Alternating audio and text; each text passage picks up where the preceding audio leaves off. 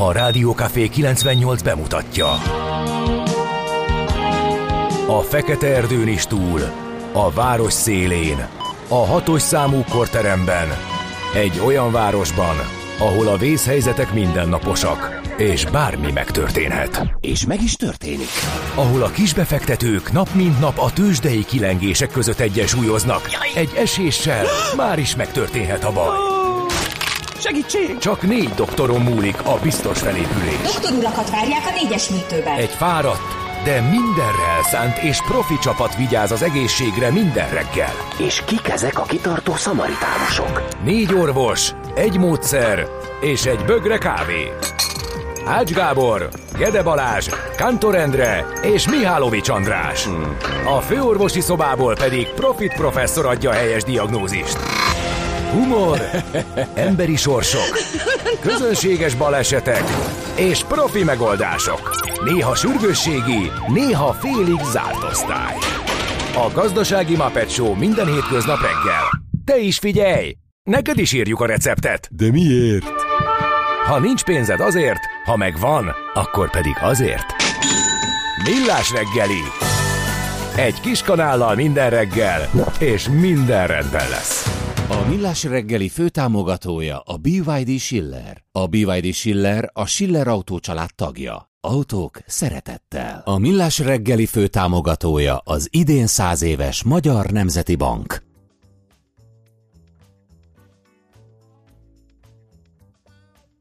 Megvárom. Hát nem értettem, hogy mit mutogattál. Hogy Rámutatok a mikrofonra, az azt jelenti, hogy ebbe fogok beszélni. Ezt Hát azért... nem, nem értettem, nem értettem. Ilyen meglepő. Próbáltam nem, nem rejtjelezni, pillanat- utolsó és nem pillanat, egy meglepő enigmát küldeni neked, hogy kódolt vissza és fel is meg, hogy mit. Másodperce pontosan ki van találva, hogy mi mikor történik, és Igen. amikor az utolsó másodpercben zavaró jel érkezik, akkor sajnos Értem. porszem kerülhet a gépezőbe. Jó reggelt, kedves hallgatók! Így nehezen indítjuk az utolsó napot ezen a héten. Péntek van ugyanis, február másodika és fél hét múlt három perce, ez pedig a Millás reggeli, a csatorna pedig a Rádió Café 98.0. Az ember, aki nem találta a mikrofonom gombját, meg Ács Gábor. ellenben föltekertem. Ellenberger. Ellenben föltekertem, amíg be nem kapcsolt mikrofonodnak a hangerejét, mert azt gondoltam, hogy erre célzol, mert máshova mutogattál. Nagyon Na pénteki a hangulat. Egy kis, egy kis kicsit zavar. össze, összerázzuk magunkat, vagy megrázzuk magunkat, szerintem menni fog. Na, elmondjuk még az elérhetőségünket is. Meg a neveinket. Én mondtam, hogy a Zács Gábor az, aki nem kapcsolta be a telefonomat. Akkor csak a nevedet. Igen. Eh, akkor nekem most valahogy Gede Balázs kellett volna bele kombinálni egy másik mondatba, hát most így sikerült. Az ő mikrofonját nem kapcsoltad be, úgyhogy ezt, ezt is meg lehetett volna ugrani. Kicsit egyszerűbben. Azt mondja, hogy várj, nem találom az adásmenetet, mert odáig még nem jutottam el. Á, van pedig valahol. Van, igen. Amíg ezt betölt, elmondom, hogy 0636 980 980 az SOS, WhatsApp és Viber szám. És ide már-már jöttek is öm, információk, üzenetek. Jó reggelt, Dr. V. aláír már röppent is. A bőrze nagyobbat mozdít a tőzsdemutatón egymaga, mint egy közepesen gyenge Jerome nyilatkozat. És akkor mindenki találja ki, hogy ki, Ki az a doktor V? Hát, na ki? Valójában Dr. O.V.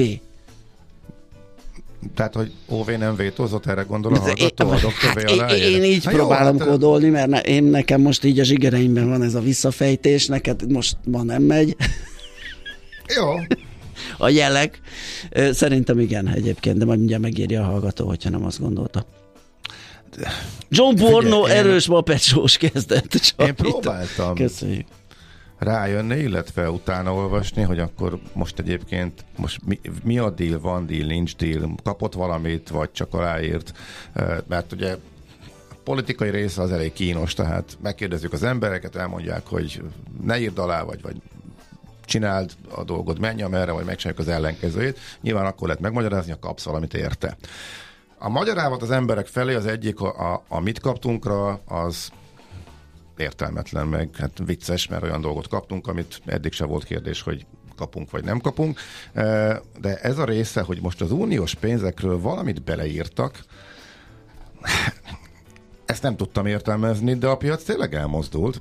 Mondjuk csak korrigálta a forint az előző napoknak az esését, de hogy most megint azt árazhatják, hogy korábban, közelebb kerülünk, vagy hogy akkor most mégis van valami háttérdíl meg. Hát, ez vagy nem ha nem is a közelebb kerülés, de legalább a nagyon, nagyon kemény szívózásnak az asztalról lekerülése. Na, de Tehát a közelebb kerülés nem biztos, hogy itt garantált. Ideig ezzel. én is eljutottam, de hogy mit lehet szív, illetve hogy mit le, mennyi a játéktér, azt nem értem továbbra sem, mert hogy vannak egészen konkrétan lefektetett feltételek, egészen konkrét szerződésekben, elég csak erre a sokat emlegetett szupermérföldkövekre gondolni. Na most, hogyha azt az ország nem teljesíti, mert nem akarja, már pedig per pillanat itt tartunk, akkor nem tudom, milyen háttérdillel lehet ezt fölülírni, hogy ezt megkerülve is további pénzek érkezzenek. És akkor itt leálltam, elvesztettem a fonalat, viszont a piac ezt már többször is árasztva, hogy jönnek az uniós pénzek, csak tavaly ugye az volt a helyzet, hogy tudtuk, hogy teljesítjük a feltételeket, egy hiányzik, kettő hiányzik nagyjából a kisebb feltételek teljesítésre kerültek. Most a komolyabb feltételeknél más a helyzet. Na és én itt, itt vesztettem el teljesen a fonalat, aztán idő után feladtam, mikor már Hát egyrészt, igen. próbáltam nem mindig tudjuk ezt vissza, visszafejteni. Mit róla, mit jelentettek be, csak az a baj, hogy nagyon nagy, borzasztó nehéz, amikor tényleg politikai lózungok fedik el, hogy konkrétan miben, miben állapodtak meg, meg nyilván a háttérről nem beszélhetnek eleve, úgyhogy hát eddig jutottam. Igen, um, az, az biztos, hogy a tőzsdei reakció, én, az én olvasatomban az, hogy igen, az alapszenárió az, hogy jönnek majd a pénzek, és akkor most nem próbáljuk Aha. megfejteni, hogy mennyiben és mikor fogunk megfelelni ezeknek. Én a tör, én Ebbe a tör... bezavart ez az egész sztori, hogyha most megint vétó jön, és esetleg uh-huh. megint szigorodik, meg a nem a Wall Street Journal, hanem a, Fin a Times, fin Times uh-huh. megszellőztetett cikke, vagy információi, tehát ez azért okozott feszültséget, és ez ment ki, de szerintem alapvetően nem változott más nagyon. Szerintem meg a tőzsdéhez semmi köze sincsen. Tehát a tőzsde akkor is sem, tehát miután a tőzsdét érdemes a forintról különvenni. Tehát a forintnál ez számíthat, de miután a tőzsdén ezeknek a blue chipnek az árfolyama akkor is erősödött, amikor éppen para volt, akkor is erősödött, amikor az uniós pénzek inkább elillanni tűntek. Az elmúlt hetekben ugyanúgy erősödött, amikor alapvetően rossz hangulat volt és fölmerült a para. Egész egyszerűen ezek a blue chipek olyan brutálisan alulértékelté váltak, a profitjuk meg olyan nagy, hogy ezek emelkedtek az elmúlt év második felétől, teljesen függetlenül attól, hogy mi volt Brüsszelben, milyen kavarás volt a politikában, mi, az rendben van, de amikor elérünk egy, elérünk egy csúcs közeli állapot, hát azért nem, elérünk egy csúcs közeli állapotból, ahol már gyakorlatilag csak nagyon pici korrekciókkal vagy oldalazással már vagy 60%-ot ment az index, akkor azért fokozódik a feszültség. Fokozódik hogy a feszültség. megmarad-e az a nyereség, vagy, vagy mi történik. És abban láthattunk egy ilyet, most, hogyha megnézed a, a, a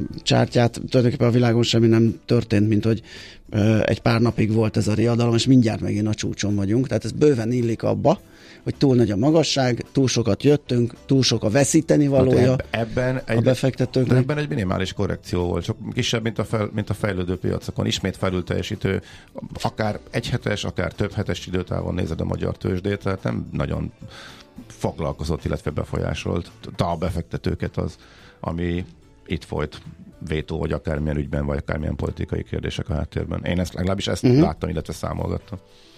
Na jó, előre hoztuk a tőzsde blokkot, de még Majd oda is hagytunk árfolyamokat. Ott már csak azt mondjuk el, hogy mi, mi történt egész pontosan számszerűen. Viszont megköszöntjük a, az Aidákat és a Karolinákat, mert az ő nevük napja van ma. Aztán hát jó sokan vannak, hogy mindenkit üdvözlünk nagy szeretettel, és köszöntünk, aki a nevét megtalálja a mai napon a naptárban. Az évfordulók közül, közben nézem, hogy mit rúg szét Ács Gábor, aki eltávolodott most éppen a munkahelyéről, és oda-vissza szétrugta a lábát, a székét. Na, Gyertya Szentelő boldogasszony ünnepe a katolikus egyházban ez a mai nap. E napon a katolikus templomok körül sok helyen körmenetet tartanak, és közben zsoltárokat énekelnek. Ilyenkor kerül sor a gyertya szentelésre is. A hagyományos néphisz szerint a pap által megszentelt gyertya megvédi a gonosz szellemektől a csecsemőket, a betegeket, a halottakat. Öm, aztán nézzük, fú, de hosszúra eresztette ezt a szerkesztő úr, azt gondolta, hogy erre egy... Ja, a földig ér, négy oldalas a születésnapos lista meg a... De nem, csak a gyertya szentelő. Na, szerzetesek világnapja is a mai, a vízes élőhelyek világnapja is, úgyhogy ez csak felsorolásszerűen, és elnézést kérünk, de ez nem fog így beleférni. És az sem baj, hogy szerkesztő úr nincs itt, mert a véget ér a Stalingradi csata 1943-ban ezen a napon, ez is jó hosszúra nyúlna, hogyha itt lenne. A hatodik német hadsereg megadja magát ugyanis ezen a napon, február másodikán. Aztán még egy háborús esemény, az afganisztáni háború után az utolsó szovjet hadtest is elhagyja Kabult, ez viszont 1989-ben ö, történt. A születésnaposok közül az említés szintjén Charles Maurice de Talleyrand, francia politikus, diplomata 1754-ben született James Joyce, írszármazású angol nyelvű író, költő 1882-ben, Ö, ugye az Ulysses szerzője, és ö, tavaly Triestben jártam, amikor találkoztam ott egy szobrával, mert a valami legenda, hogy azt hiszem ott is írta egy jelentős részét ennek a műnek. Jövőre már mehetsz repülővel is, majd ez hír lesz a Láttam, hogy a Ryan indítja. nem, annyit nem fogok visszajárni, bár körülnéztem, hogy mi a helyzet a kiadó lakáspiac fronton, meg, meg egyébként, mert hogyha nagyon úgy gondolom, akkor az egy egész barátságos, közeli, tengerparti, és még ráadásul hangulatában is kicsit budapesties. Körülnéztél a kiadó lakásfronton? Hát, persze. Triestben? Persze. Tényleg? Hát, igen. Hát ez nagyon komoly. Hát, ne viccelj, az ember tudja, hogy De mi a nincsen, helyzet. nál millás reggelben nincsen távmunka, azzal tisztában vagy. Mm, nem megoldhatatlan, mert volt már rá Tehát példa. Én kérek elni, hát nem Majd volt akkor csak nagyon. a, csak a háttér, az De- egyéb teendőket végzem el, amit eddig is legfeljebb. Amikor egy másik egy hónapban egyszer. részéről erre utaló legenyhébb célzások fölmerültek, akkor beálltál a háromfős kánonba, amely ezt azonnali ellehetetlenítéssel Jó, ez, ez egy elvi lehetett. reagálta le. felmértem, hogy mi van Értem. akkor, ha, Na jó. Ha Csak óvatosan odáig méregessünk. jut az ember. Ez csak egy információ, csak tudjuk, hogy a mihez tartás. Shakira, kolumbiai énekesnőt köszöntjük még, és Gerard Piqué, spanyol labdarúgót. Igen, nekik egy napon van a szülinapjuk, ez már kiderült, ezt meg is Igen. jegyeztük az elmúlt évekből. Na, akkor jöjjön az első zene. Látom, lecserélted. Igen? Már nem emlékszem, mi volt? Már nem is emlékszem, mit cseréltem le. De, hogy a, Ö, nem tudom. vagy odébb raktam csak. Na majd kiderül. Az ország egy kórház, és nem tudod, ápolt vagy, vagy ápoló. Millás reggeli. Na, neked van-e Nagy valami? levegő.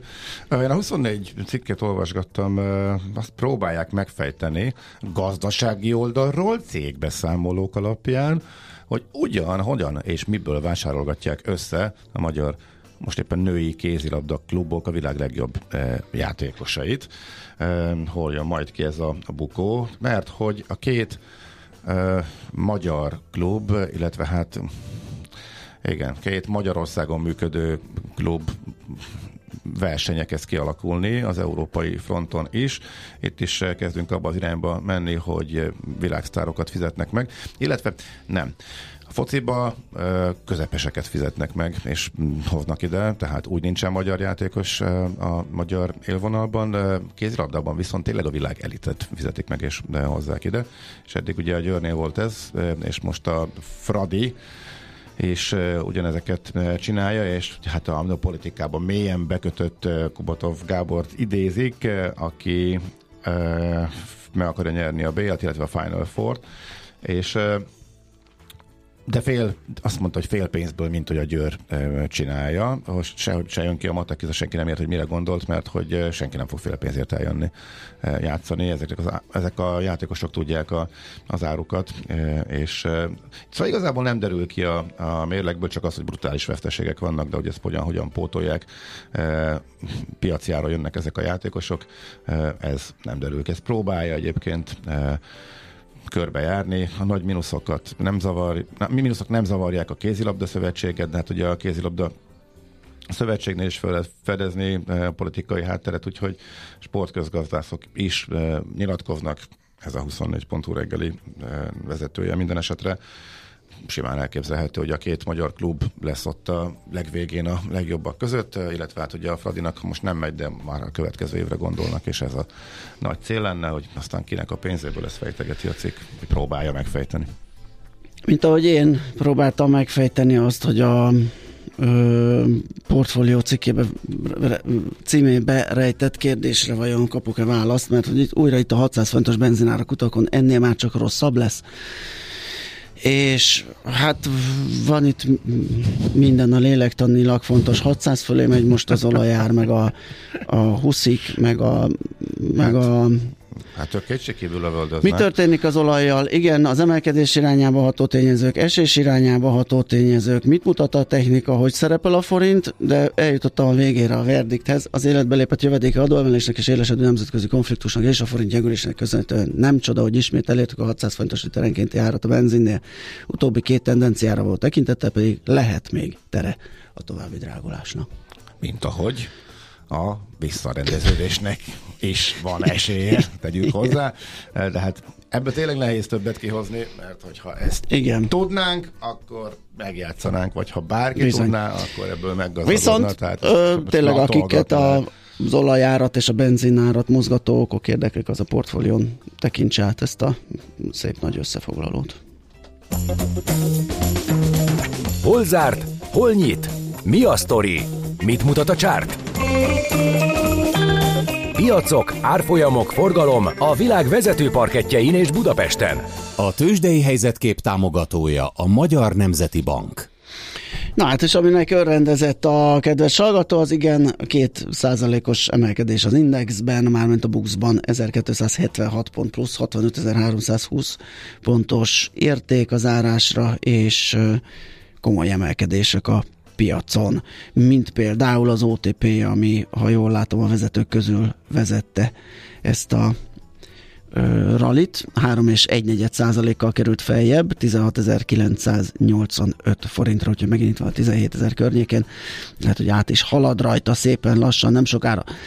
A Richter Gedon 1,9%-kal emelkedett 9765-re, a MOL 6%-kal 2928-ra, és a Telekom 1,3%-kal 779 forintra. De menni tudott még a közép mezőnyben a Graphisoft Park 1,8%-kal, az Alteo 4,3-mal, Forage 1,3-mal, Panergy 4 tizeddel, Waberers 8 tizeddel, szóval el lehet mondani, hogy egy erős és jó napja volt a bőrzének sok emelkedő árfolyammal. És hát történelmi csúcsal, igen, újra. A történelmi csúcsról emelkedés az automatikusan ezt jelenti. Amerikában tegnap arról beszéltünk, hogy kicsit megijedtek a Fed kommunikációtól. A befektetők napi mélyponton zárt a piac, és kezdtek elfogyni az éves nyereségek. A plusz ugye volt egy eh, Google Alphabet rossz jelentés, és a technológia alul teljesítésével azért eh, beütötték a piacokat. Hát ebből semmi nem látszott, illetve ennek az ellentétje következett be. Visszapattant, jó megvették, eh, mindenki örült, minden szektor ment, tág spektrumúvá vált az emelkedés. Ez a broad-based? Hát igen, hát figyelj, nincs jobb rá, nem? Hát nincs, ez, ez jó. Évek alatt nagy nehezen kitaláltuk. Még a spektrumot hogy... kéne valahogy magyarosítani, és akkor tökéletes lesz, de a tág már bekerül. Az, hogy évek alatt sikerült ideig eljutni a, bro, a broad-based-re, akkor most már... Abszolút, szavunk de Egyelő, egyelőre megelégszünk azzal, hogy ezt mondjuk, igazából ennyi. Tehát most olyan túlságosan nem is tudom meg, talán nem is érdemes cizelálni. Ami talán érdekes, hogy volt rossz hír, amit a piac lazán figyelmen kívül hagyott, megint volt egy kis mozgolódás tavaly. Mikor volt? Hát pont egy éve, ugye? Majdnem egy éve. A tavaly március környékén, amikor a regionális bankok uh-huh. dőlögettek, és akkor fölmerült, hogy jó, jó, jó, az amerikai pénzügyi rendszer, meg az áthúzódó hatások, ugye akkor jött a Credit Suisse csőd, ami nem ennek a következménye volt, de nyilván ez a bizalomvesztés is az utolsó szöget talán beleverte a, a koporsójában, nem volt semmi hullám, nem alakult ki. Most megint van ott probléma néhány kisebb banknál, ezért a bank részvények hát nem voltak éppen a legerősebbek, és a New York Community Bank volt az, ami most így lefelé húzta a rossz eredménye miatt, illetve a mérleg problémái miatt a, a piacot, de nem Szóval nem hatott ki az összes többire, nem e, gyűrűzött át a negatív hangulat a teljes piacra, ettől teljesen függetlenül tudták magukat a befektetők, e, és zsákoltak mindent a bankokon túl. A merket említik ki, említik még meg, általában a hír magyarázók, illetve a tőzsdemelkedés magyarázók, mert hogy kiváló eredményeket produkált a gyógyszergyár emelkedett Ja, is meg a meta. Uh, ami hát a, a zárás után volt? Zárás, most írja a hallgató, hogy plusz 15 százalék, és most látom, hogy Zuckerberg itt nagyon mosolyog a Yahoo Finance-en, mert Jó, hogy a oké. várakozások felül teljesítettek, és bejelentették a first ever dividendet, vagyis uh, fizetni fog Ú. a Facebook Első egy kis osztalék osztalékot. fizetés. Igen, Aha. úgyhogy ennek lehet. Tehát a zárás után öröm. húzták 15%-kal föl? Igen, a, igen, igen, a igen, történelmi csúcsról? igen. Hopp, hoppácska. Az- Az, a- De hát elhiszük a hallgatónak, Az úgy, az, úgy, az úgy kemény, hogyha az elmúlt hetekben Hát ez annyi. is 394 dollár 78 centen zárt, tehát a rendes kereskedésben ment 1,2%-a, az aftermarketben pedig 454 dollár 81 centen, még 60 dollárt rápakoltak, ez 15,21 század. És hol volt eddig a csúcsa? Mert ugye majdnem csúcson volt így is, nem? Mert akkor ez Ö, ott volt a közelében, kérlek szépen az eddigi csúcs az, az 406 dollár 34, úgyhogy az azt jelenti, hogy az aftermarketban már Erre tudott rápattanni. meglőtte az új csúcsot. Igen. erre tudod kilőni uh, réssel. Gyakorlatilag igen, hogyha ma kinyitunk. Figyelj, igen. e- ezt mondta, tehát ez annyira bivajerős, ez nagyon nehéz. Ez annyira bivajerős. ez, egy, ez elképesztő. Na jó, ennyit tehát akkor a Facebook jelentéséről meg. Tőzsdei helyzetkép hangzott el a Magyar Nemzeti Bank támogatásával. Nos, itt van uh, Schmidt Andi, közben nézem a friss üzeneteket, amiből csak kevés van, illetve hát ez volt a legfrissebb. Köszi a hallgatónak, hogy régieket felhívta a sem figyelmet. mondtad el egyet se, úgyhogy nyugodtan válogathatsz. Azokat kifelejtettük most az elején bizony. Jó reggelt, nagyot mennek a tech cégek, így kora reggel szobabicajra pattantam, miközben benneteket hallgatlak. Szép napot és tavaszias hétvégét, ez kopi írta nekünk. Köszönjük viszont. Gézu is írt életképet, majdnem a fejemre esett egy bármi a sokadikról. A téma az utcán hever. Ja nem, lever, bocsánat. Téma, az utcán lever. Húha. Ez nagyon jó. Ezt tegnap sütött el az András, ezt a, hogy mennyire gyűlölte ezt a, a nagy öregek, az ifjú újságírókat cseszegetik, hogy mit kell csinálni, meg hogyan kell csinálni, és ez a téma az utcán hever volt a legbosszantóbb lózunk, amit mindenki végighallgatott, ugye, Igen. aki végigjárta a De klasszikus már talán, iskolát. talán ez kiment. Most már talán kiment a divatból, de lehet, hogy erre is reflektált Gézu. Ez tegnap került szóba. Na, itt van igen. Schmidt Andi, hello, szia, jó reggelt. Jó reggelt. Mizu. Minden klassz. Minden klassz. Jó, Figyelj, tök akkor legalább neked Vidáman, bejött a péntek. ébredt. Na, hát ez tök jó. Pedig tegnap Mi még egész nap takarítottam. Mi még itt kanalazzuk egy kicsit magunkat. Ö, nem úgy kezdődött a mai műsor, ahogy azt terveztük, de Lehet, hogy egy 10 órára összekaparjuk magunkat. azt szerintem a végére már jó lesz. De ezek Jó szerint lesz. a hírek az jó már lesz most is. Nekünk. Igen. Úgyhogy átadjuk neked a terepet, mit jön a hírekkel, utána pedig folytatjuk a millás reggelit. A mai világban könnyen félrevezetnek a csoda doktorok és a hihetetlen megoldások. Az eredmény? Hája pocim marad, a fej még mindig tar, a profit meg az ablakban. De már is segítenek a legjobb orvosok. Doktor megelégedés, doktor higgadság, doktor vidámság és doktor nyugalom. Doktor úr, ennek össze-visszaver a GDP-je, a pulcosa meg egy csökkenő gyertya. Két végéről égette. Ezt visszakalapáljuk, és olyan hozamgörbénk lesz, amilyet még dr. Alonso Mózdi sem látott. Millás reggeli. A gazdasági Muppet Show. Figyelem! Fogyasztása függőséget okoz. A Millás reggeli főtámogatója a BYD Schiller. A BYD Schiller a Schiller Autó család tagja. Autók szeretettel. A Millás reggeli főtámogatója az idén száz éves Magyar Nemzeti Bank. Szép jó reggelt kívánunk, kedves hallgatók, ez a Millás reggeli továbbra is itt a Rádió Café 98.0-án, február második a péntek reggel van, 7 óra 8 perc, és itt van Ács Gábor. És itt van Gede Balázs is, jó reggelt.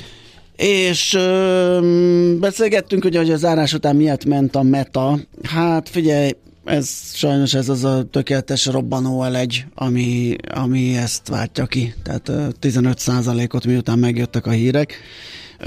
Mert hogy ugye sikerült az elemzői várakozást felülmúlni, Az még kevés lenne, mert Uh, jó, de várjál, amikor részvényenként várnak 4,94-et ak- és 5,33-at jelent, a forgalomra vártak 39,1 milliárdot és 40,11 milliárd lett, Az előző azonos negyedében 32,2 volt, tehát már a várakozás is magas volt, és nagy lett a, a tény is. Plusz bejelentette az osztalékot, az 50 cent per részvényt, ami negyedévente, hát az két dollár mondjuk nem azért örültek meg, de megfejelte még plusz 50 milliárd dollárra a részvényszavásárlási uh-huh. programját is.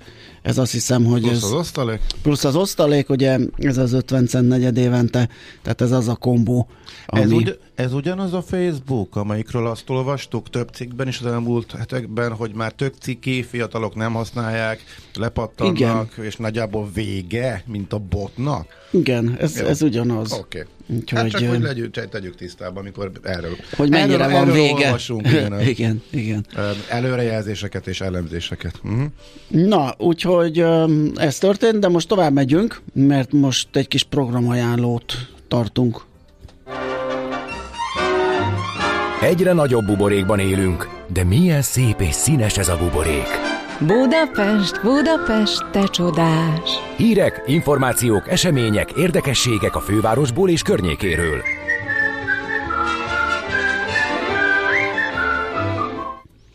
Következik a mondhatni szokásos, állandó mm, szubjektív programajánlónk, hát illetve programajánlója Wagner Gábornak, aki a Világ Budapest újságírója, és minden hónap legvégén vagy legelején a következő, vagy a éppen elindult hónappal kapcsolatosan osztja meg velünk, hogy szerinte mit érdemes hallgatni, nézni eh, a budapesti kultúr világban.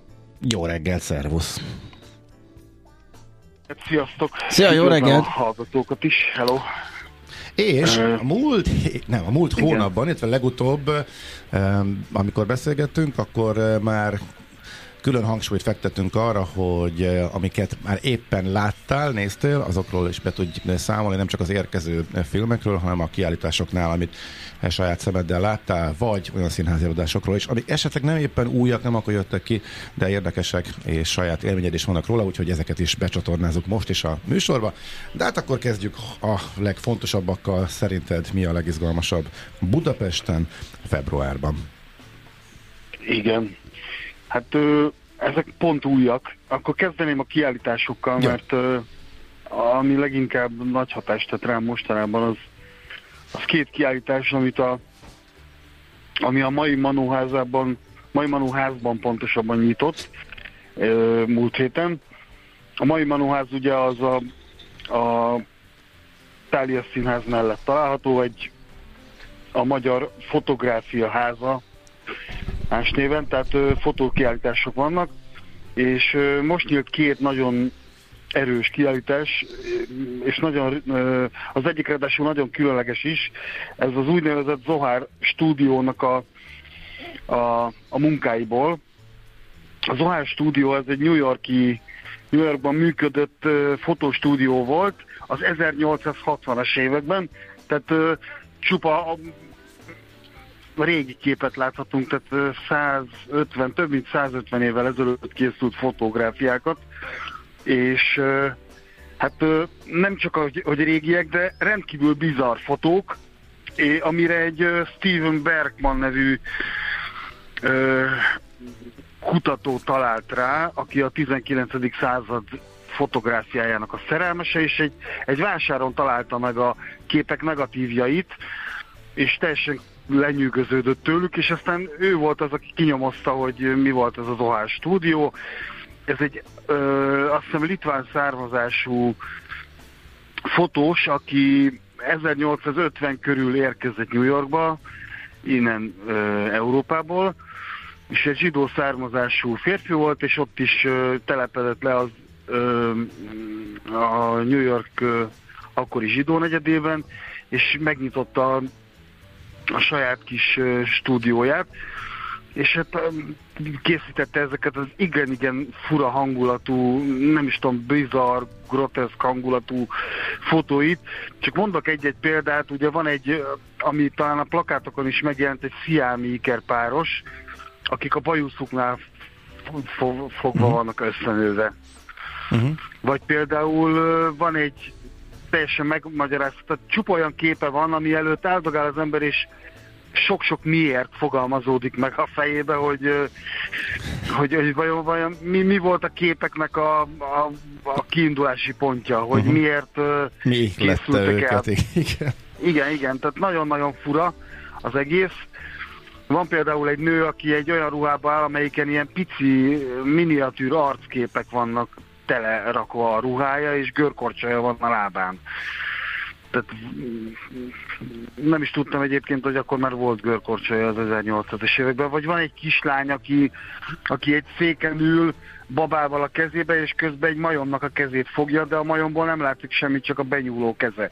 Szóval ilyen nagyon fura ö, fotográfiákat készít, és igazából itt szóban nehéz visszaadni, leginkább csak tényleg ilyen szavakat, jelzőket tudok sorolni, hogy bizarr, szürreális, groteszk ö, képek. Én mindenkinek azt mondom, hogy menjen el és nézze meg, mert e- egészen elképesztő. Ráadásul egy, egy nem sokkal a New Yorkba érkezés előtt kidolgozott, akkor újfajta technikával dolgozott, amitől a képek teljesen életszerű állnak, nagyon mm, nagyon részletgazdag és nagyon ö, finomtónusú ö, képek születnek a eredményeképpen.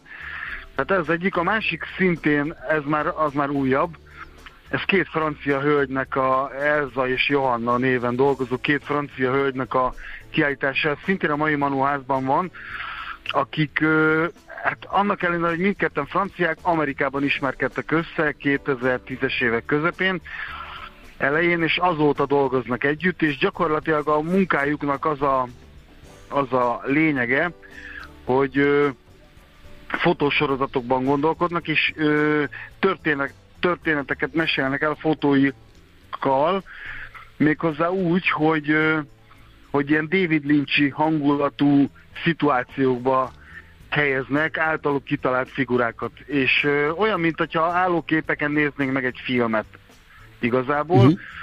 És ö, például van egy nagyon érdekes sorozatuk, amit ö, Németországban készítettek el, ahol hát főleg a peremkerületekbe, alvóvárosokba, külvárosokba, kertvárosokba ö, sétálgatnak, és kiszúrnak olyan házakat, amik, amik megihletik őket, becsengetnek, és ott beszélnek a tulajdonosa, hogy pár napra ide jöhetnének el a házba, beköltözhetnének ők is, hogy elkészítsenek egy fotósorozatot, és van, aki beengedi őket, van, aki nem. Uh-huh. És ők maguk alakítják a szereplőket, az által kitalált karaktereket, ők a jelmeztervezők, a díszlettervezők, gyakorlatilag mindent ők találnak ki, és ők készítenek el.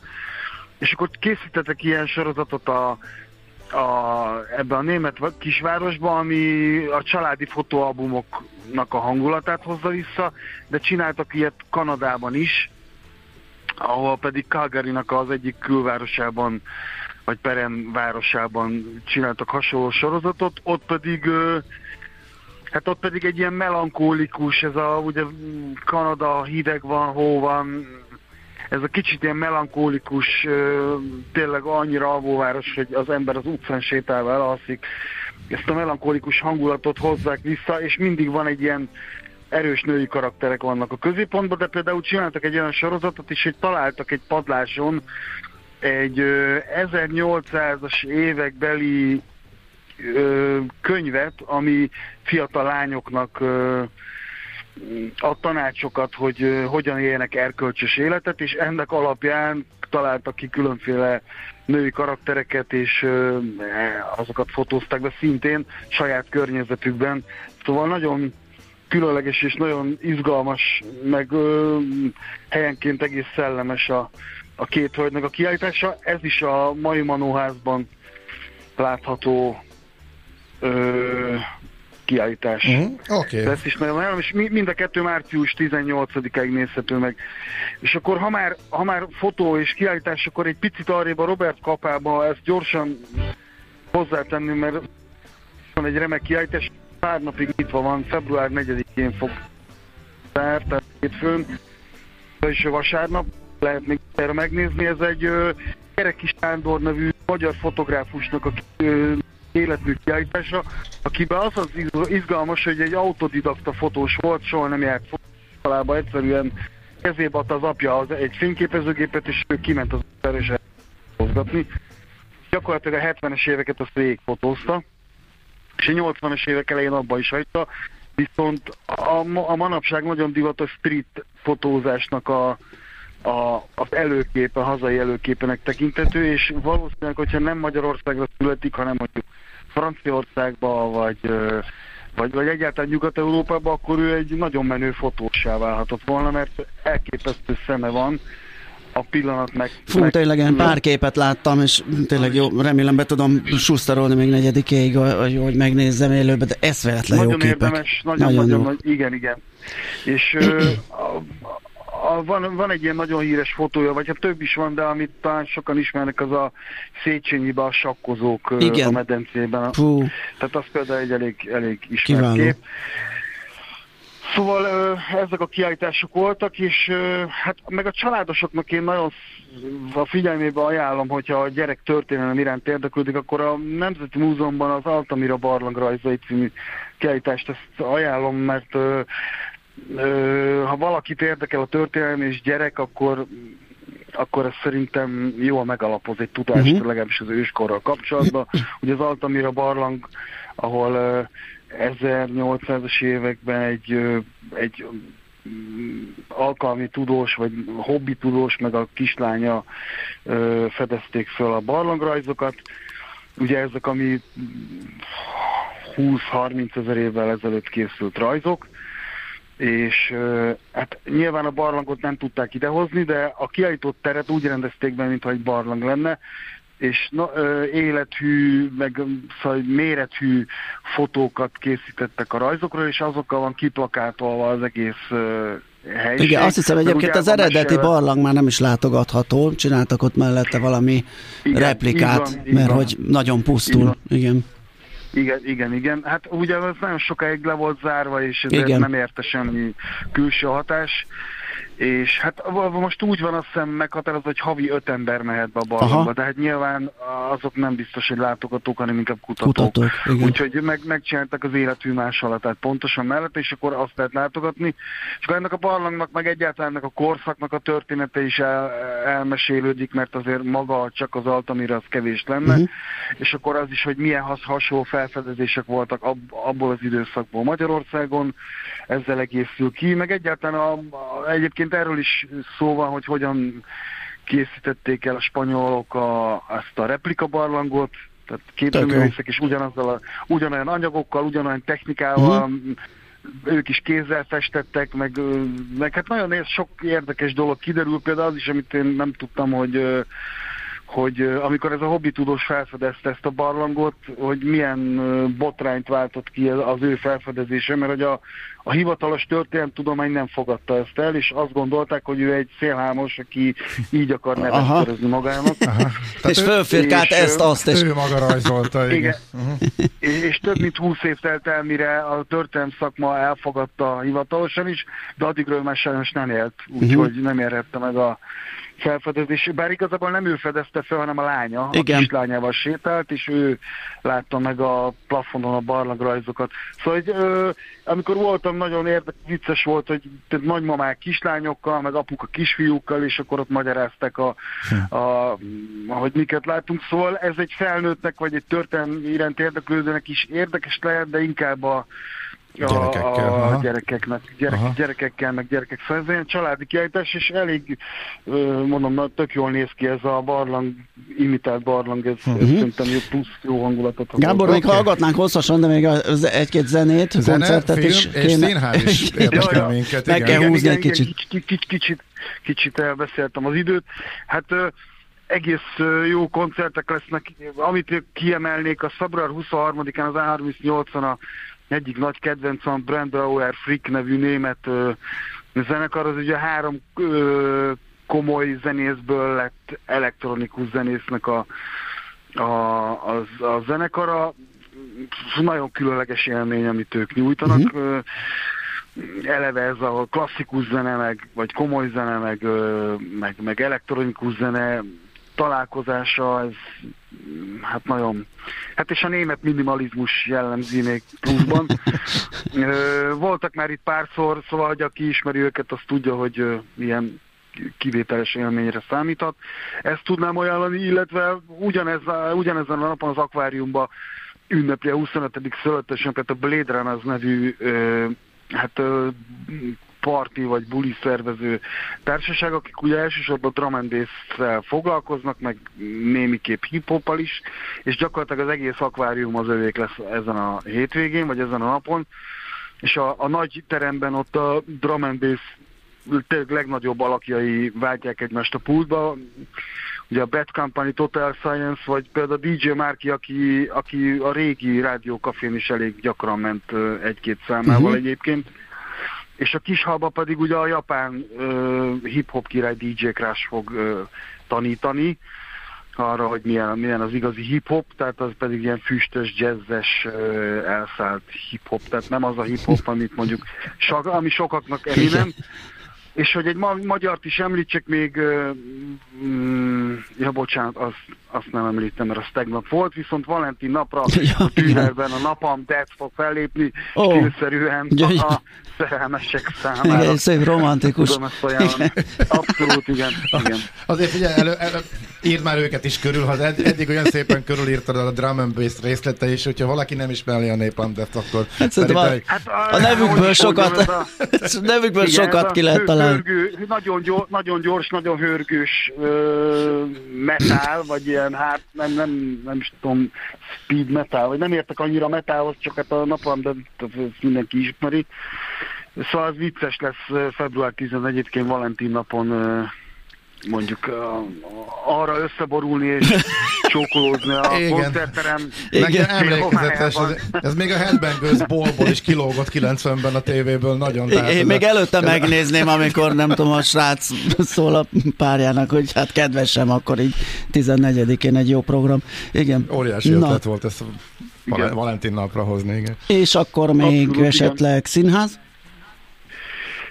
Hát színház nagyon érdekes volt ez, én most néztem meg, ez, ez se annyira régi, ez tavalyi, tehát ebbe az idénybe ö, került a, az Örkény Színház műsorára a Lidercek című darab, ami ugye a Bodó Viktornak és a Závada Péternek a, a közös új darabja az Örkény színeszem, mert ugye volt már korábban a, a, a Shakespeare, a Kertész utcai Shakespeare mosó, ahol a Rómeós Júliát ültették át hazai környezetben, nagyon bizarr és nagyon ö, ö, fura, de zseniális átirat, tehát az, hogyha valaki... Erről meséltél, az igen. mindig megy.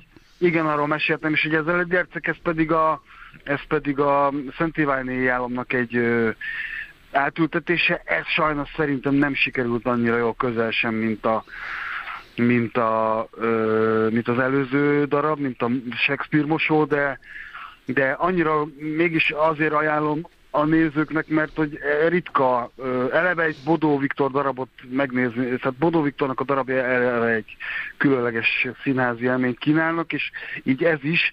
Ez most gyengébb lett szerintem, mint általában egy Bodó rendezés, de ha nem kap jegyet a Kertész utcai Shakespeare mosóra, akkor ajánlom a Lidercet, meg pláne, hogyha szereti Shakespeare, meg ugye az átiratokat. Szóval uh-huh. ez hát egy nagy őrület az egész. Uh-huh.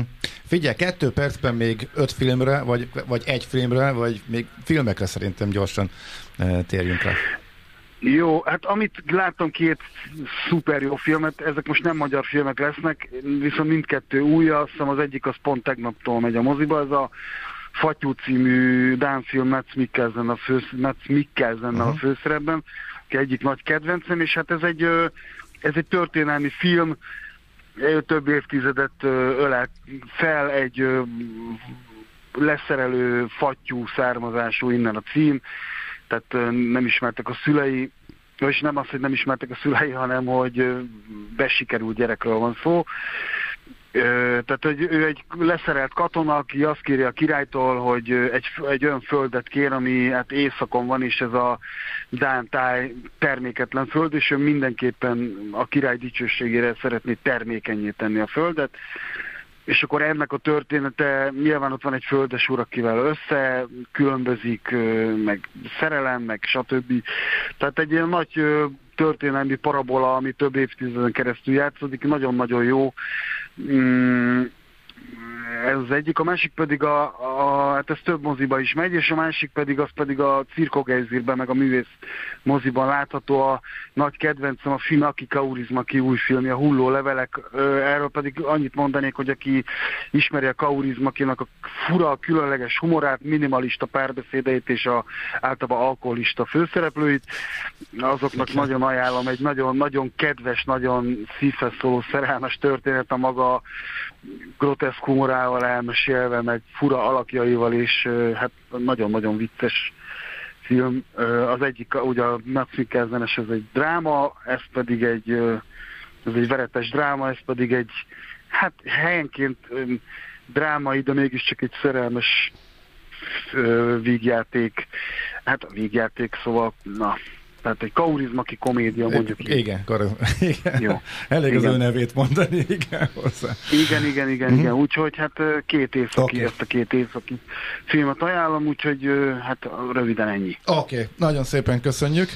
Van mit nézni. Abszolút. És hallgatni februárban igen, is, igen, úgyhogy igen.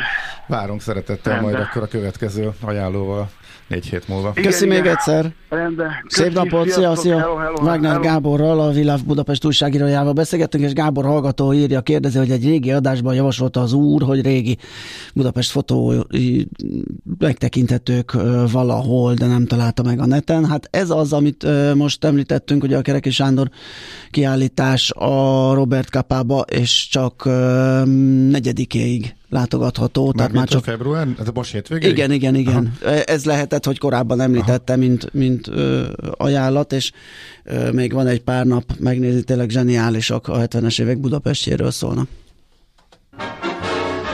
Nekünk a Gellért hegy a Himalája. A Millás reggeli fővárosi és agglomerációs infóbuborékja hangzott el.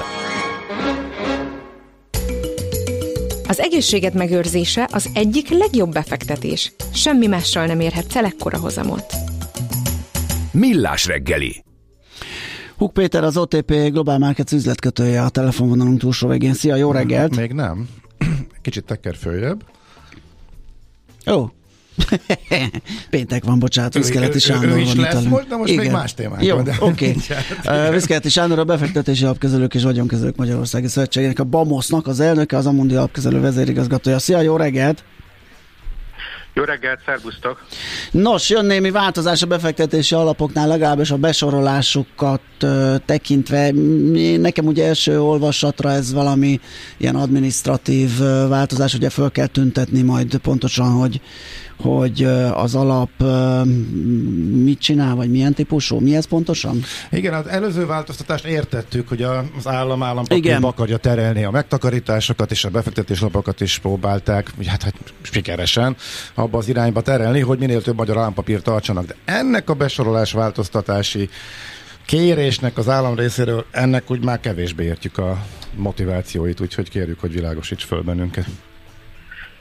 Hát igazából ez egy sokkal komplexebb, meg nagyobb téma, és jobban belenyúl a, a befektetési alapok működésébe és, és kezelésébe, mint ami első pillanatra látszik, mert ugye alapvetően hoz új változásokat az alapok esetében. Uh-huh. Tehát, hogy én azt gondolom, hogy talán azt lehetne mondani, hogy három szándéka is volt a szabályozónak.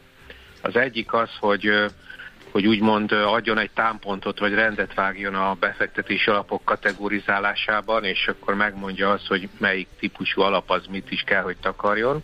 Bocsánat, a, a mostani egyébként... rendszert azt maguk az alapkezelők, az alapok most alakítottak ki, ugye? A mostani besorolási rendszer. Igen, igen, igen. Mi megpróbáltuk azt mondani, hogy majd megtalálni egy olyan rendszert, amiben azért a befektetők el tudnak tájékozódni, hogy az egyes alapokban vajon mire számíthatnak de hogy ebben nem volt teljes körű szabályozás. Egyébként ez egy nagyon bonyolult kérdés, mert rengeteget innovál a piac, jönnek létre újabb és újabb termékek, azokat nem mindig egyszerű besorolni a, a régi rendszerben, és, és, hogy ez, és ez folyamatosan változik. Egyébként nem véletlen, hogy Európában sincs ilyen, ilyen részletes szabályozás, ami ezt megpróbálná. Vannak olyan alaptípusok, amelyekre vannak, például a pénzpiaci alapok, mert az egy alacsony kockázatú termékkör, és az a cél, hogy ott ne legyenek olyan eszközök, ami, ami esetleg a befektetők megtakarításait komolyan veszélyezteti, de egyébként erre nem tett kísérletet még senki, mert ez egy annyira komplex kérdéskör.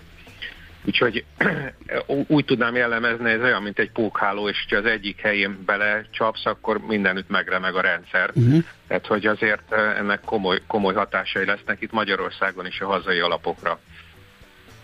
A, tehát az egyik szándék talán az volt, hogy ebbe egy kicsit megpróbálja rendet vágni. A másik, hogy azért ebben a szabályban is benne vannak olyan, olyan elemek, amivel az állampapír tartást megpróbálják kiterjeszteni nagyon sok típusú termékre, amire nem, nem feltétlenül ö, ö, volt benne eddig a pakliban, és nem is biztos, hogy szerencsés, hogy benne van, úgyhogy ez, ez ellen egyébként a BAMOS is ö, fel fogja még próbálni emelni a, a, a szavát. Egyébként nagyon sokat egyeztetett velünk a minisztérium, és nagyon sok változtatás az bekerült az anyagba az első verziókhoz képest, amit javasoltunk, de azért még vannak dolgok, amiért szeretnénk egy kicsit küzdeni. És a harmadik dolog, ami szerintem érdekes, hogy létrehoztak egy új kategóriát, ami eddig, eddig nem volt. Ez a vegyes alap. Vegyes alapok eddig is voltak, de eddig ezek úgymond vegyes értékpapír alapok voltak, amiben kötvények és részvények voltak különböző arányban, vegyesen attól függően, hogy milyen kockázatot vállalt az adott alap. Most létrejön egy, egy vegyes alapkategória, és az előző eddig létező alapok azok úgynevezett vegyes értékpapír alap kategóriába sorolódnak, és ez a vegyes, új vegyes alap ebbe a kötvények mellé lehet például ingatlant is rakni.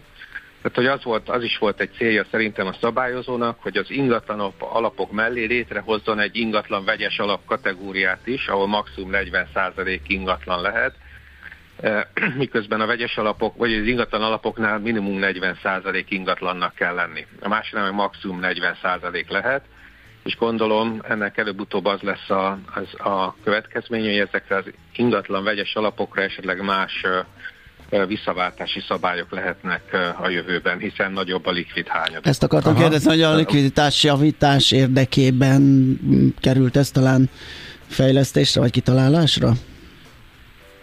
Hát talán azért, hogy hát ugye van egy komoly kérdése az ingatlan lapoknál, az ingatlanok nagyon lassan értékesíthetők, Igen. Miközben a befektetési jegyeket az ügyfelek gyorsan vissza tudják váltani, legalábbis a klasszikus ingatlan alapok esetében volt, és ugye a felügyelet ezt úgy gondolta, hogy ebben van egy likviditási kockázat, uh-huh. ezért az ingatlan alapoknak a visszaváltását korlátozta, azt mondta, hogy legalább 180 napnak el kell telni a visszaváltás beadása és a kifizetések között. Ez azért a lakosság számára nagyon ö, nem tette vonzóvá ezt a befektetési Igen. formát, és de ez a kockázat ugye benne volt. Ha azt mondjuk, hogy alacsonyabb, jelentősen alacsonyabb az ingatlan hányad egy alapban, akkor akkor a, a többi részéből a befektetési alapnak ki lehet fizetni a mhm. visszaváltásokat, uh-huh. akkor is, hogyha azok jelentősebben felszaporodnak. Uh-huh. Ez, ez, ez, ez jó hangzik. Azt gondolom, hogy ezek nagyon sok összetett kérdés van most, amire, amire azért reagálni kell. Visszatérve például a mi problémánkra, megjelent olyan szabály is, hogy például az részvény alapokban legalább 8%-ban állampapírt kell tartani, miközben ez azt jelenti, hogy 100%-os részvénybe fektető részvényalapot nem lehet létrehozni. Persze, tehát, inde, vannak ebben is enyhítések egyébként. Index követő alapot se, vagy ez egy másik kategória?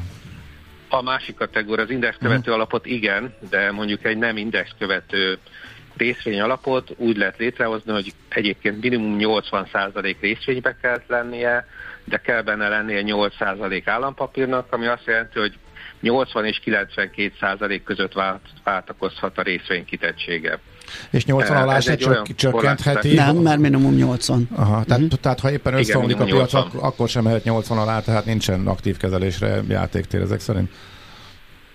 Hát ezen a, ezen a határon belül igen. Tehát ugye azt mondja azért a szabályozó, és ebben azért van logika, hogy egy részvény alap legyen részvény alap. Uh-huh. Tehát hogy vannak olyan, olyan alapok, amiben lehet szabadon változtatni a részvény kitettségét, de az nem részvény alap, Aha. hanem az egy másik kategória. Okay.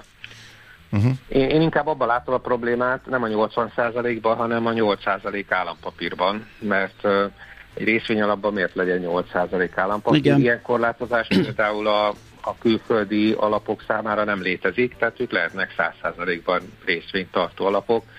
Ez egy részvényboom időszakban hátrányt jelent a részvényalapoknak, a magyar részvényalapoknak le fognak maradni a hozamversenyben a külföldi társakhoz képest, ahol nincs ilyen, ilyen uh-huh. állampapírtartási kényszer. Uh-huh. Oké. Okay. Ugye, uh, a másik dolog, ami, igen? bocsánat, csak egy, egy mondatot még hagyd tegyek hozzá, hogy, a, hogy, hogy ez a fajta piac, ez, egy, ez az egyik elsőnek liberalizált piac az Európai Unióban, mert a tőke szabad áramlása az nagyon fontos volt, hogy, hogy oda menjen a pénz, ahol, ahol értelmes befektetések vannak. Ez azt jelenti, hogy Magyarországon szinte minden korlátozás nélkül be lehet vezetni olyan európai jog szerint létrehozott befektetési alapokat, egy másik országba hoztak létre. Tehát, hogyha ezt, ez, ez a veszély ennek a történetnek, hogyha valamit nagyon beszabályozunk vagy bekorlátozunk Magyarországon, akkor, akkor a magyar alapok helyett megjelenhetnek a külföldi eszközök, ami szinte korlátozás nélkül lehet árulni. Ilyenek a lux alapok például, amit mindenki ismer azért Magyarországon, aki ez iránt tébre érdeklődik. Uh-huh. Tehát, hogy megjelenhetnek olyan alapok, amik, amik is, is kicsit kiszoríthatják a hazai alapokat a piacról. Aha.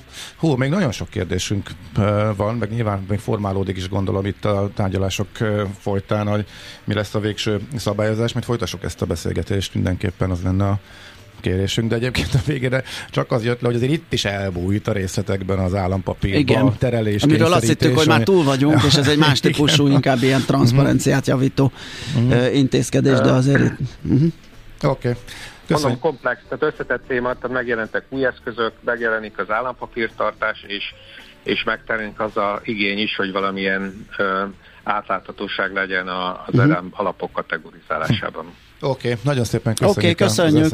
az Szép napot kívánunk. Jó munkát, szervusz. Köszönöm, szervusz. Szia. Viszkeleti Sándorral, a befektetési alapkezelők és vagyonkezelők Magyarországi Szövetségének, a BAMOSZ-nak az elnökével és az Amundi alapkezelő vezérigazgatójával beszélgettünk. Mi a pénteki konklúzió a hét legfontosabb eseményeinek és adatainak tükrében? Zárjuk a pozikat és pihenjünk rá a hétvégére? Milyen események hatnak a piacra a hétfői nyitásban? Devizák, részvények, tőke és árupiacok. Heti események és jövő heti felkészülés. Értékpercek, a Millás reggeli Treasury robata következik. És most már tényleg Huk Péter van a telefonon a túlsó végén, az OTP Global Markets üzletkötője. Szia, jó reggelt! Sziasztok, jó reggelt, üdvözlök mindenkit! Csak hogy tudod, azt a stratégiát választhatom, hogy minden beszélgetés előtt bemutatlak, hát ha te vagy a telefon végén, és most végre sikerült. Na, a magyar kamadöntés és ezzel együtt a forint árfolyamának alakulása talán az egyik legizgalmasabb, legalábbis ugye számunkra, így magyar eszközökben gondolkodóknak ez volt a héten. Így van, pontosan. Meglehetősen azért eseménydús napokon vagyunk túl, de valóban magyar szempontból talán az MNB kamat döntése volt a legfontosabb, ugye ez a keddi napon volt esedékes, és talán a szokásosnál kicsit nagyobb is volt a várakozás, hiszen most két lehetséges szenárió is szóba jöhetett, ugye vagy egy 75 bázispontos, vagy egy kerek egy százalékos kamatvágás, és egyébként a legtöbb piaci szereplő az egy százalékos kamatvágás várt, tehát uh-huh. a mhm. szigorú szenáriót, és ennek több oka is volt, csak gyorsan megemlíteném azt, hogy talán ezért az infláció vártnál gyorsabban csökkent, ugye talán a másik négy évre meg lehet a jegybanki célság teteje a 4% illetve a folyófizetési mérleg ugye a 2023-es évben enyhe többletbe fordult, és várhatóan ez a pozitív tendencia fennmarad, de talán ami a leginkább erre biztatta a piaci szereplőket, vagy a voksokat az 1%-os vágás mellett le, az, hogy maga a jegybank lengette be ennek az 1%-os vágásnak a lehetőségét még januárban.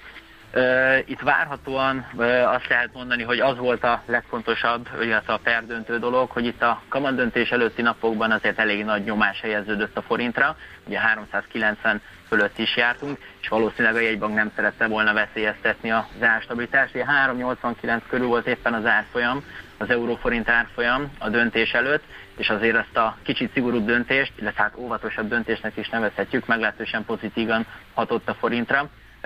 387 alá sikerült erősödni, és egyébként itt a tegnapi pozitív, hát európai híreknek köszönhetően már 383 alá is sikerült erősödni, úgyhogy ez a pozitív trend felmarad, és egyébként, ahogy nézem, most a nyitás is nagyjából valahol itt lesz, tehát 383-as középárfolyam környékén.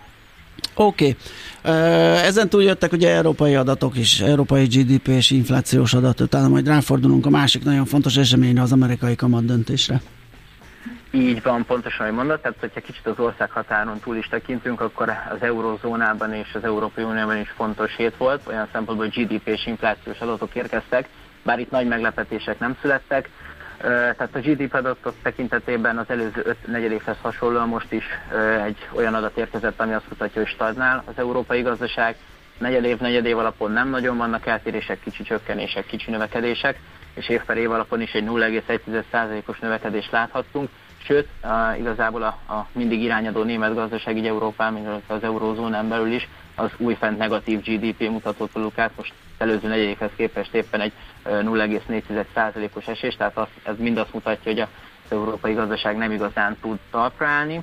Illetve ugye az inflációs adatok tekintetében is ez a 2,8%-os év per év alapú infláció nem nagyon okozott meglepetést, bár még talán még mindig egy picit magasnak mondható, de a piac se a GDP adatokra, se egyébként az inflációs adatokra jelentős reakciót nem mutatott, mivel mint ahogy hazánkban, és egyébként említetted ugye itt a FED döntését is, így az LKB tekintetem is a legfontosabb dolog, vagy ami a leginkább izgatja a piaci szereplőket, ugye az, az esetleges közelgő kamatvágás. Ez egyébként az LKB esetén valószínűleg valahol április-május környékére tehető jelenleg, legalábbis ez a várakozás.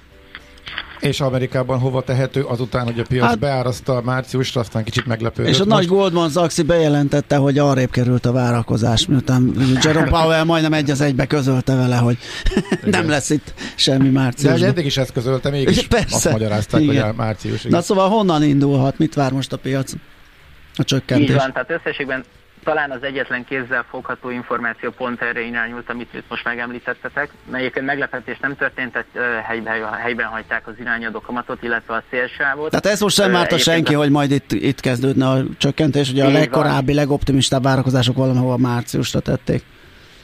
Így van, pontosan. Tehát összességében egyébként ezt az inflációval indokolták, hogy még mindig azért viszonylag magas.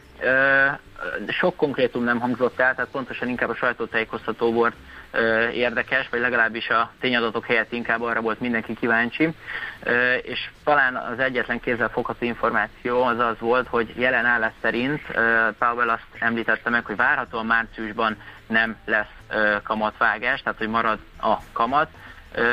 Ennek következményeképp egyébként a dollár egy picit tudott erősödni, 1.07-tel is kezdődött a jegyzés, ez 40 bázispontos erősödést okozott az euróval szemben, de egyébként a tegnapi nap folyamán a piac ezt már visszadolgozta, sőt magasabb szinten van a jegyzés, mint a bejelentés előtt.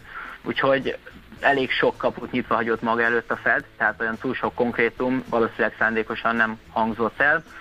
Talán ez volt az egyetlen kézzel fogható adat, de még adott esetben euró-dollárban jöhet ma némi volatilitás, mert ami még nem a jövő hetet érinti, hanem a mai napot az USA-ból a munkanélküliségi adatok érkeznek, illetve az átlagkeresettel kapcsolatos adatok, amik kicsit megmozgathatják még ma a piacokat. Uh-huh. Oké. Okay. Figyelünk, köszi szépen a beszámolódat, klasszolt, jó munkát kívánunk még már, aztán jó pihenést. Köszönöm szépen. Sziasztok. Szia! Húk Péterrel, az OTP Global Markets üzletkötőjével tekintettük át a hetet. A hét legfontosabb eseményei és jövő heti felkészülés. Értékpercek. A Millás reggeli Treasury rovata hangzott el.